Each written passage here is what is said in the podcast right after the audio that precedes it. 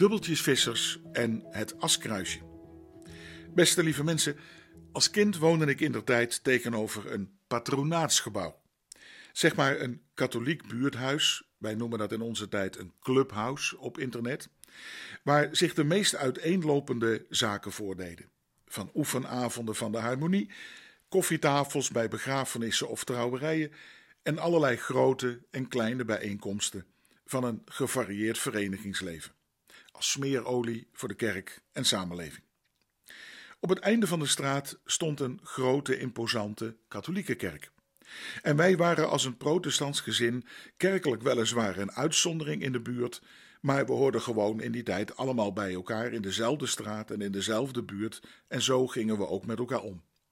Het liet ook onverlet dat mijn vriendjes uit een mooi gemixt kerkelijk boeket bestond. We gingen naar verschillende scholen en sportclubs, maar deelden toch veel vrije tijd gewoon plezierig samen. We hadden een aantal zaken sowieso gemeen.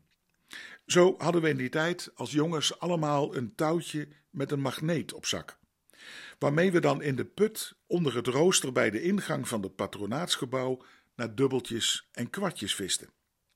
Vooral als er weer een avond met het Rad van Avontuur geweest was, om de verenigingskassen te spekken. Dan waren er de volgende dag weer dubbeltjes en kwartjes te vissen, waar mijn vriendjes en ik met geduld en precisie steeds vaardiger werden om de buit binnen te hengelen. Maar naast die dubbeltjesvisserij herinner ik me nog een bijzonder moment. Eens per jaar gingen mijn vriendjes op aswoensdag een kruisje halen bij meneer Pastoor.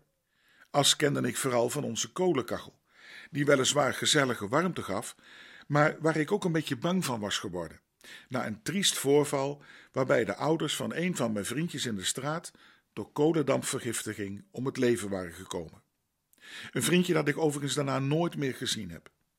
En misschien heeft dat allemaal ook in mijn hoofd rondgespookt toen die vriendelijke pastoor ook aan mij, maar enigszins verschuilend achter mijn vriendje zag staan en ook aan mij vroeg of ik een askruisje wilde.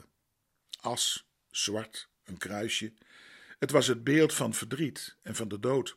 En wat zou mijn moeder ervan vinden?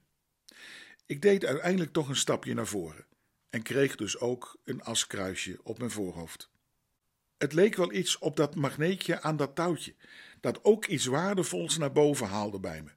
As en een kruisje, dat had immers ook iets met de Jezus te maken, met de hemel, waar de vader en de moeder van mijn vriendje uit de straat nu waren, volgens mijn moeder.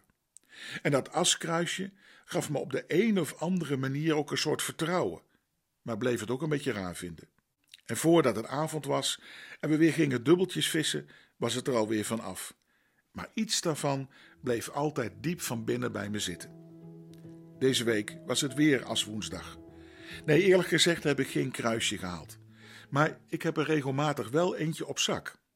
Nee, niet zo vaak toonbaar, niet aan een ketting of een speldje. En ook niet als een soort geluksbrenger of zo, maar gewoon een klein houten kruisje in mijn binnenzak. Een beetje als dat touwtje met dat magneetje van vroeger. Niet om dubbeltjes te vissen, maar omdat het je ergens weer tastbaar en troostend bepaalt bij de Heer Jezus. Deze tijd van veertig dagen voor Pasen noemen we lijdenstijd. En ach, wat kennen we vaak dat lijden in allerlei opzichten in ons leven. Wat is er een lijden aan angst en eenzaamheid, aan ziekte en gebrokenheid, gebroken liefdes, uiteengespatte dromen. En dan mag je weten dat Jezus, de Zoon van God, ook dat lijden gekend heeft. Zijn optreden begon met veertig dagen in de woestijn, waar zijn geloof en missie getest werd, op de proef gesteld. Maar Jezus hield vol. Hij week niet voor het aanbod van macht en onbezonnenheid, maar hij hield stand en koos voor de weg van zijn vader. Een weg van liefde, die hem zelfs naar de dood en een kruis voerde. Hij die daardoor juist ook kan meevoelen met ons lijden dat kruisje, al of niet tastbaar in hout, geeft me steun en kracht bij de kwetsbaarheid van het leven.